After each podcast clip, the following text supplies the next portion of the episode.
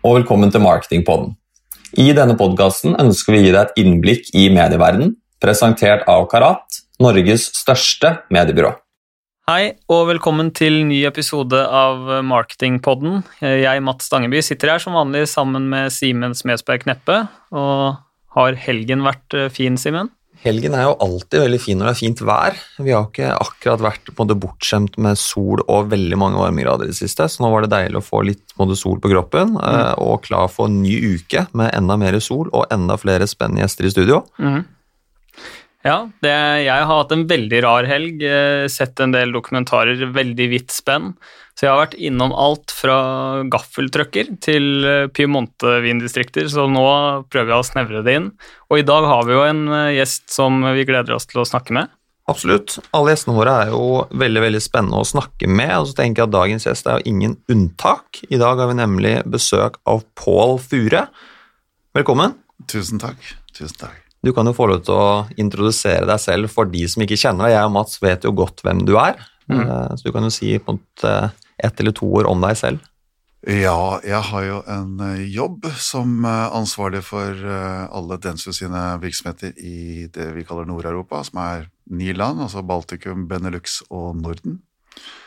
Så det er mitt på en måte lederansvar. Og så mm. fungerer jeg fortsatt som strategisk rådgiver for en god håndfull av våre oppdragsgivere både i Norge og i andre land. Så jeg har et faglig ben å stå på, og så har jeg da dette hva skal jeg si, ledelsesansvaret, som akkurat nå tar uproporsjonalt mye tid, må jeg si. Ja. Det, er en, det, er en, krevende tid vi lever i. Ja, vi, det hadde jo vært unaturlig å ikke spørre deg. Vi har jo hatt Stian Jansen her, som er byråleder for Karat, som har snakket om det, og vi har hatt kunder og, og andre inne som har snakket om det. Hvordan har eh, det vært å lede Bensu på hjemmekontor, hvis man kan kalle det det? Ja, det har, vært, eh, det har vært krevende. Det har vært spennende også. Men jeg tror det blir litt som eh, for de av oss som er til Forsvaret, at det er etterpå at, liksom, at man først på en måte får reflektert over hva det egentlig betydde. Men det har vært vanskelig, det, og det er vanskelig fortsatt. Det er jo sånn at hvert av de ni landene jeg har ansvar for, har jo forskjellige både smittesituasjoner og ikke minst forskjellige ordninger i Eh, for ansatte, eller for også som kunde kan benytte seg av. Så det har ikke vært sånn at jeg kan lage én plan, og så implementerer vi det i ni land. Dessverre. Mm. Det hadde vært administrativt veldig mye enklere. Det har vært ni planer som har vært sånn konstant i endring. Så jeg prøver ikke å sutre øh, på noen som helst måte, men jeg bare jeg kjenner at dette er og har vært krevende, og kommer til å være krevende i overskuelig fremtid. Og hver gang jeg sier det, så blir folk litt sånn daffe, for de skulle ønske at jeg sa det, eller ikke sa det, sa noe helt annet. Men det er det ingen, det er ingen grunn til å si noe annet. Så vi har stålsatt oss uh, nå for å fortsatt mestre dette godt. Da. Vi, altså, vi mestrer dette bedre enn mange av våre konkurrenter, og det sier jeg ikke med noe sånn skadefryd, jeg bare konstaterer at det er for vår del gudskjelov fakta. Mm. Men uh, markedet som vi er en del av, altså konsulent- og byråmarkedet, uh, er jo utsatt som en konsekvens av at såpass store deler av næringslivet i alle land tross alt er til dels hardt rammet. Mm. mm. Eh, det er jo ikke noe tvil om at det er spesielle på tider eh, vi er på inni. Eh, og det er heller ikke noe tvil om at Pål er en spesiell gjest med ekstremt mye erfaring fra både bransjen vi jobber i. Mm. Ikke minst har du mye erfaring, men også mye både kunnskap. Og det er jo litt av grunnen til at vi har det her i dag, at vi ønsker å se litt på si, Kanskje løfte blikket litt fra å snakke med liksom spesialister eller markedssjefer til å snakke med mer liksom toppledelse med mye måte, erfaring fra på bransjen og kunne prøve å se litt inn i glasskula og på en måte, si, på en måte se litt tilbake til på en måte, hva har vært, og mm. på en måte, hvor er vi nå. Mm. Så jeg tenkte egentlig, for å begynne veldig bredt, eh, så er det jo litt sånn Hvis vi kan prøve å liksom tenke på fra du begynte med liksom markedsføring, og til markedsføring ble måte, aktuelt til hva markedsføring er i dag? Altså, Hva er det som har både forandret seg mest, eller hva er det som har forandret seg mest med tanke på inntoget av den både digitale økonomien? Mm. Ja, Det er et, ikke bare interessant, det er et stort spørsmål, men vi skal ta veldig sånn tretopphopping. da. Mm.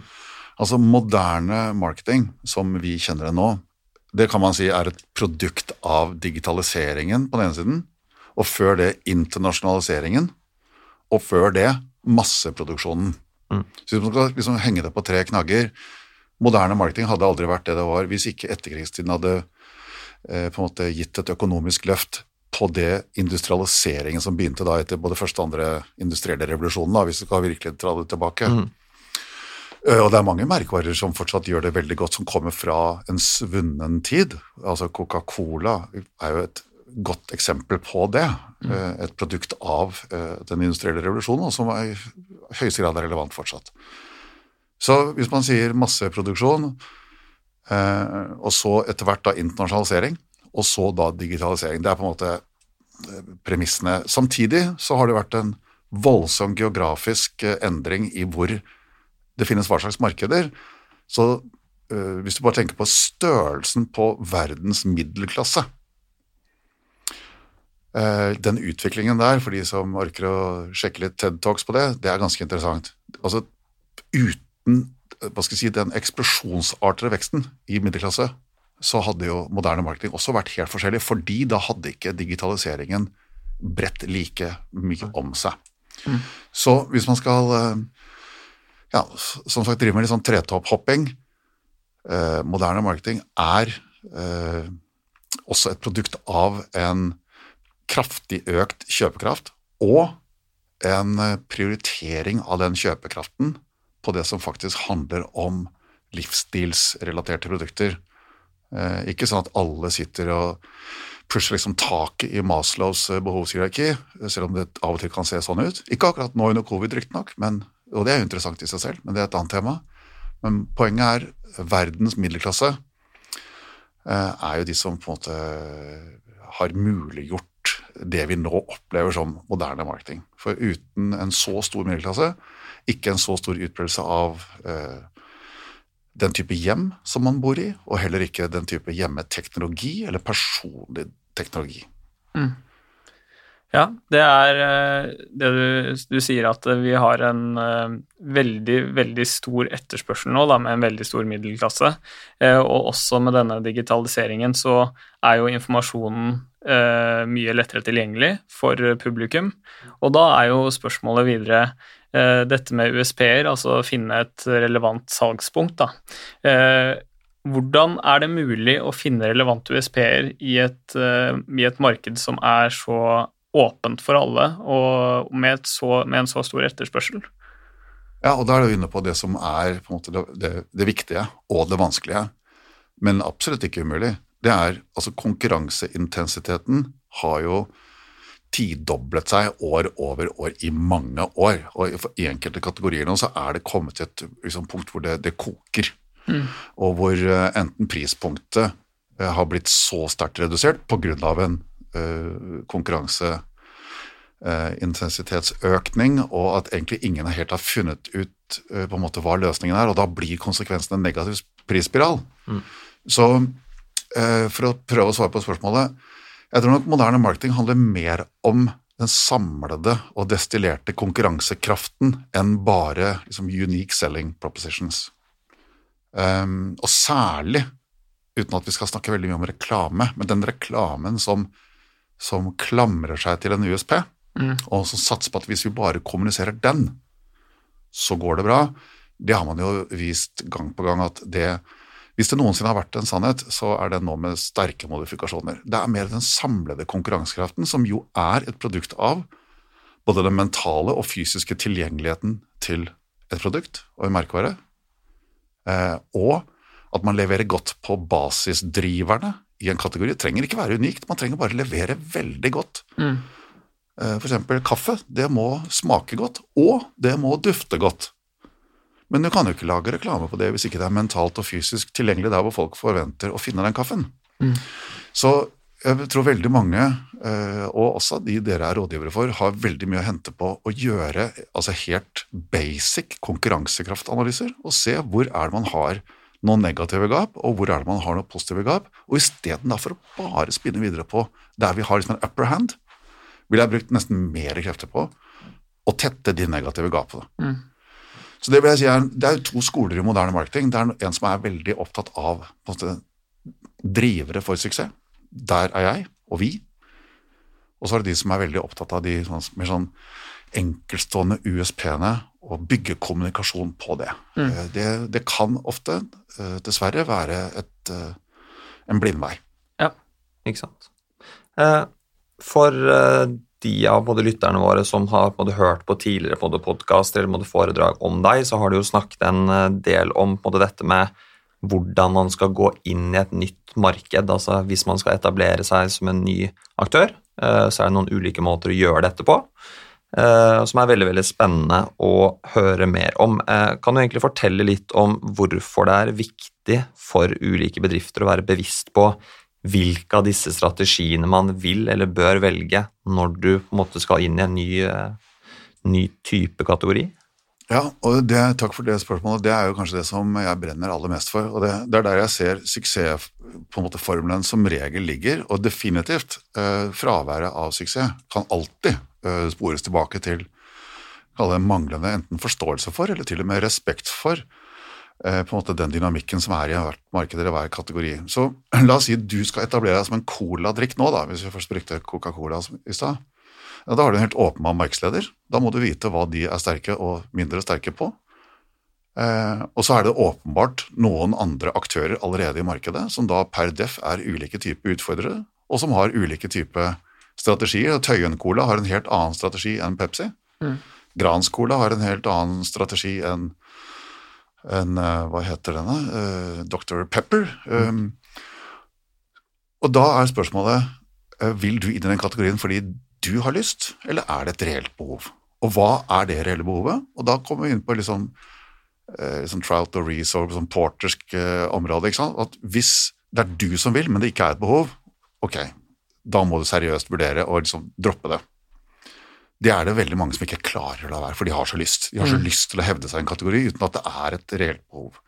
Men ja, la oss si at du finner en plattform du kan gå inn i dette markedet på, enten på en veldig smal sti, såkalt geriljastrategi, eller en litt bredere eh, skal si, grusvei inn i den skauen, kanskje mer sånn flankestrategi. I hvert fall ikke velg en litt sånn head on frontalangrep. Det, det lykkes aldri, og det koster tre ganger mer enn markedsleder allerede bruker, som alltid er betydelig. Og det er de færreste utfordrere som har det, den lommeboka. Men tilbake til eh, kjernen her. Hvis du først finner noe du kan levere på, da kommer noe veldig viktig. og det er, Da må man sørge for at det er noe som du kan opprettholde et kringvern rundt over tid. Hvis ikke så kan det bare være en midlertidig parentes som virker som en, en, eh, en planke du treffer. Du får en god start, før resten av markedet tenker hæ, det var lurt, det her kan vi også gjøre. Og så er plutselig du ute av dansen igjen. Da har du bare vært en ja, Du blir bare en liten historisk parentes, har vært en nyttig idiot in the name of progress, hvilket vi dessverre ser veldig ofte. Mm. Så jeg vet ikke om det var et godt nok svar, men det å gjøre en, en ordentlig grunnleggende strategisk analyse, eh, og så basere sine skal jeg si, go to market-strategier på det, eh, der har jeg et slags inntrykk av, og det er mulig at jeg tar feil, jeg håper at jeg tar feil, at den, eh, kall det analysemuskelen hos mange virksomheter, har dessverre ikke fått så god trening de siste årene når eh, det har vært preget av et hav av muligheter som man ønsker å gripe. Man ønsker å teste. eh, Man ønsker å teste marketing automation, man ønsker å teste influensere, man ønsker å teste og lære, og det er vel og bra.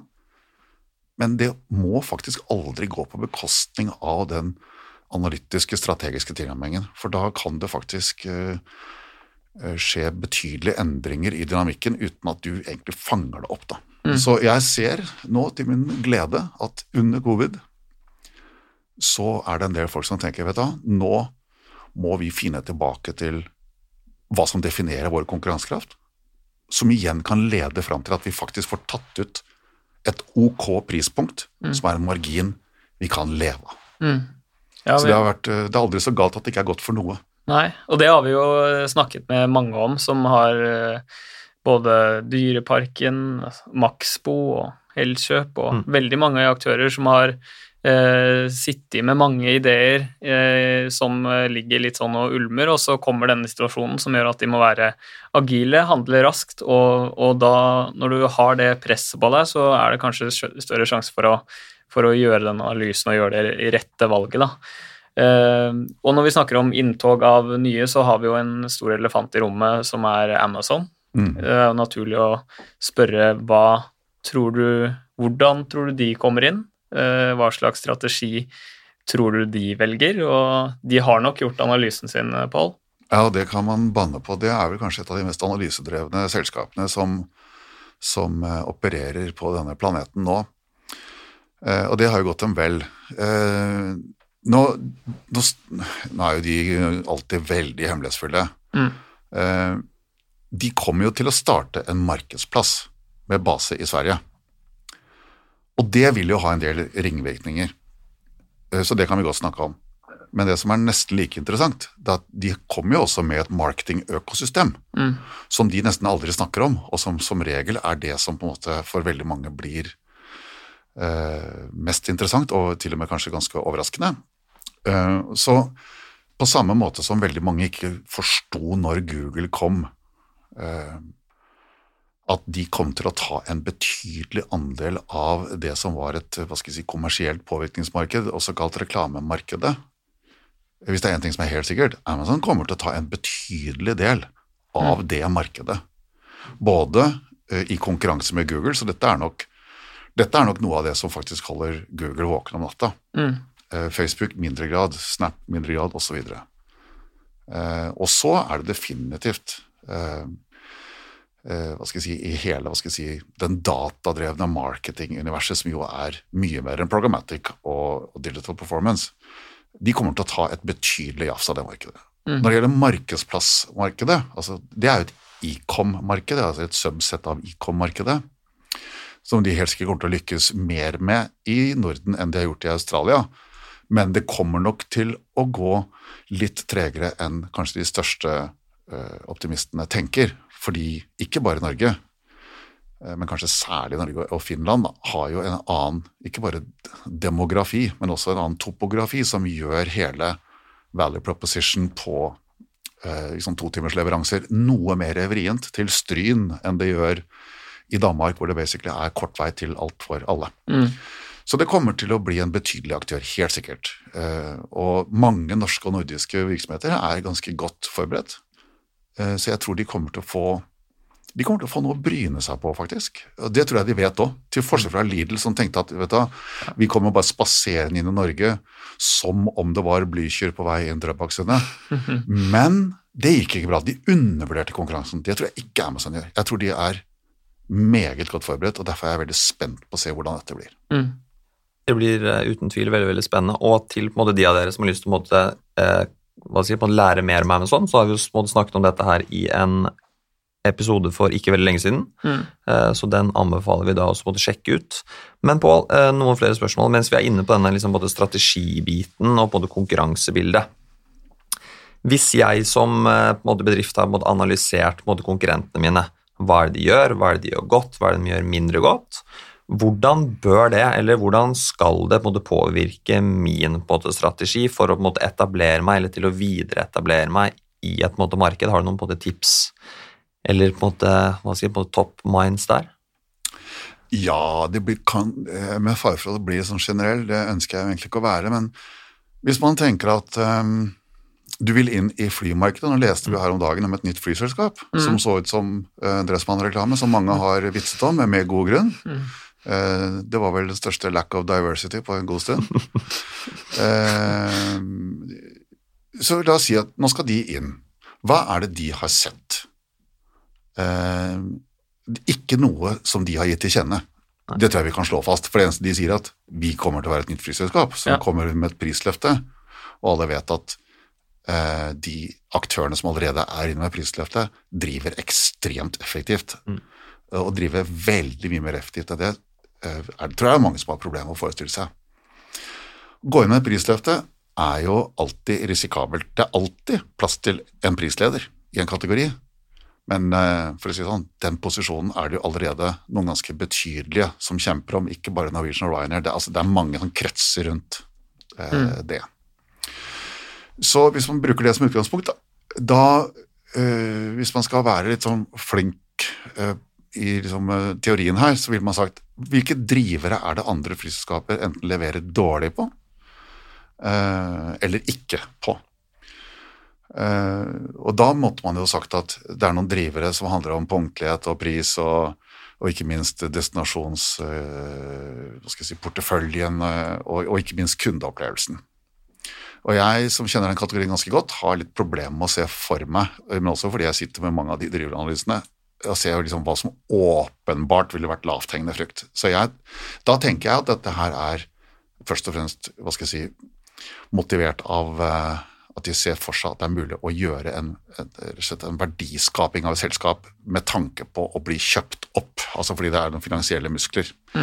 Eh, mer enn at det er kall det forbrukermarkedsdrevet, hvis jeg skal driste meg til å si det. Så det, er, det tenker jeg er eh, forsøksvis en, en del av måten å svare på. Hvis jeg skal vært eh, konkret på det med en annen kategori, da, hvis man skal gå inn, eh, så vil jeg si at det å gå inn i til dels ekstreme nisjer med en skalamulighet, med en veldig begrenset portefølje, det vil jeg si, hvis jeg må gi ett råd, det er moderne marketings finest. Så kan man si, men hva mener du nå?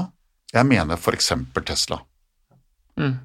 Så er det veldig få som tenker på men hæ, er det en ekstrem nisje? Dette, de gikk inn i et, el, et uetablert elbilmarked med én modell Mm. og et globalt potensial. Det er en ekstrem nisje med skalamuligheter. Og jeg tenker at det er det man må prøve å finne. Eh, fordi det å drive en stor produktportefølje driver kompleksitet og driver kost, eh, og det er det ja, det er noe man heller kan vokse seg inn i. Et annet eksempel på det samme er jo VIPS. Mm. Går inn i en altså, De definerte jo en nisje. Det er liksom helt sånn Trout og Rees skolebok. Hvis ikke du kan dominere en eksisterende kategori, finn opp en ny, sier de. Ja, men de fant opp en ny altså vennebetaling. Det var jo ikke, det var jo ikke et ord engang. Og at det ble synonymt med Vipse, som nå er bredde seg ut i faktura- og e-handelsmarkedet, det er en vinnerstrategi. Og det er klart, hvis du er etablert, så kan du kanskje til og med redusere deg til å bli det. Mm. Det ser man jo sjelden, men jeg har jo vært med på å anbefale det. Eller hvis man er ny, da ville jeg definitivt gått for å være hva skal jeg si, ny og nummer én, og, og sette opp en ny kategori som kanskje ikke eksisterte før. Ja. Det er jo en ø, vanskelig øvelse, men jeg vil jo si at når man har fått vipse som eh, Det er vel ikke så veldig mange eh, ordbøkene til det blir et ord i ord, og det er jo et eh, ord i dagligtalen. Mm. Så, man, så da har man jo kommet et stykke Ja. som å være etablert. Så det er jo en, en slags fasit da, på om man har kommet virkelig inn i det. Ja. Og noe som kjennetegner flere av de jeg tar opp nå, er at de er jo ikke først. Nei. Det er, det er et voldsomt selvbedrag at man må være først for å komme dit. Tesla var ikke først. Altså, det, f- det fyker trollbiler rundt her i Norge som ble laget mange, mange, mange år før. Og overalt i hele verden, for den saks skyld, av andre tilsvarende merker. Vips var heller ikke først. Og det handler ikke om at noen av dem har kopiert noe av det forrige, men man må ikke være først for å lykkes. Når vi startet med søk som byrå, det var året før Google starta. Og det var på etter vi hadde sett hva som foregikk i Alta Vista og Yahoo Mm. og, og tidlige. Ikke sant? Så det er fort gjort at man liksom glemmer de som faktisk var frontrunnere. Mm. Ja, absolutt. Eh, litt sånn avslutningsvis, eh, vi har fått veldig mye informasjon. Eh, så tenker jeg du har snakket om dette med at man må være en god lytter, se an konkurransebildet, og ikke minst legge vekt og lære opp den analytiske muskelen. Hvis du, vil, hvis du kan oppsummere til slutt, eh, er det noe som du tenker at bedrifter skal tenke ekstra mye på i et så komplekst eh, konkurransebilde som vi har nå? Eh, Hvis du kan oppsummere med to-tre punkter som er liksom main points? Mm. Det kan jeg jo prøve på. Noe du aldri må um, hva skal jeg si, miste av syne, det er hva er verdiforslaget vårt? Og da mener jeg med verdiforslag igjen, da. Unique selling proposition trenger ikke være et verdiforslag. Det kan være at vi er den oransje, det er unikt for ingen andre som er oransje, men det er ikke nødvendigvis noe verdiskaping. Mm. Så hva slags verdiforslag er det dette produktet har, eller denne virksomheten har, eller denne merkevaren har? Og da må det være noe som oppleves av markedet som verdifullt. Mm. Det er det som eh, muliggjør mitt andre punkt. Ikke bruk pris eh, i tide og utide. Jeg, jeg vet veldig godt at det er mange kategorier som er prisdrevet, Mm. men ikke på bekostning av et verdiforslag, for da, da devalueres jo det hele. Så bruk pris smart. Definitivt bruk pris aktivt i visse kategorier, men pris er et uttrykk for kvalitet. Så er sammenhengen mellom en kvalitetsoppfatning, et verdiforslag, og pris, det er der på en måte hjernen gjør matematikken og tenker dette her, dette kjenner jeg at jeg vil kjøpe. Så i hvert fall verdiforslag og prisaktivisering. Og så det tredje og siste, hvis jeg fikk tre tilmålte virkemidler. Den fysiske tilgjengeligheten er selvfølgelig viktig for veldig mye. Og mange tjenester så er ikke det nødvendigvis et tema, men det er i ferd med å bli tema. Det er i ferd med å bli flere og flere gated communities og walled gardens, ikke minst med Amazon Mm. og med Apple osv. osv. Så, den mentale tilgjengeligheten er at folk er klar over at du er i markedet med et visst antall løsninger, men også den faktiske tilgjengeligheten i de økosystemene. Den kompleksiteten er kanskje den som burde plage de aller fleste mest, fordi med de økosystemene, det blir også verdisystemer som faktisk eh, veldig ofte, eh, og ikke spesielt ønskelig, legger på kostnader i verdikjeden til tilbyder, som i mindre grad etterspørrer er interessert i å betale for. Kjempebra. Eh, Og med det så tenker jeg at eh, hvis det er noen der ute som sitter med en ny merkevare eller bedrift eller produkt, så har man i hvert fall fått noen ekstremt, eh, ekstremt både gode eh, og, og helt sikkert effektive råd herfra nå. Absolutt. Eh, Så med det så tror jeg vi sier både tusen takk til deg, Pål. Tusen takk for at du tok deg tiden til å stikke ned til oss. Ja, tusen takk for at jeg fikk komme. Det var en hyggelig prat. Takk Absolutt. i like måte. Da snakkes vi. Det gjør vi. Ha det bra. Ha det bra.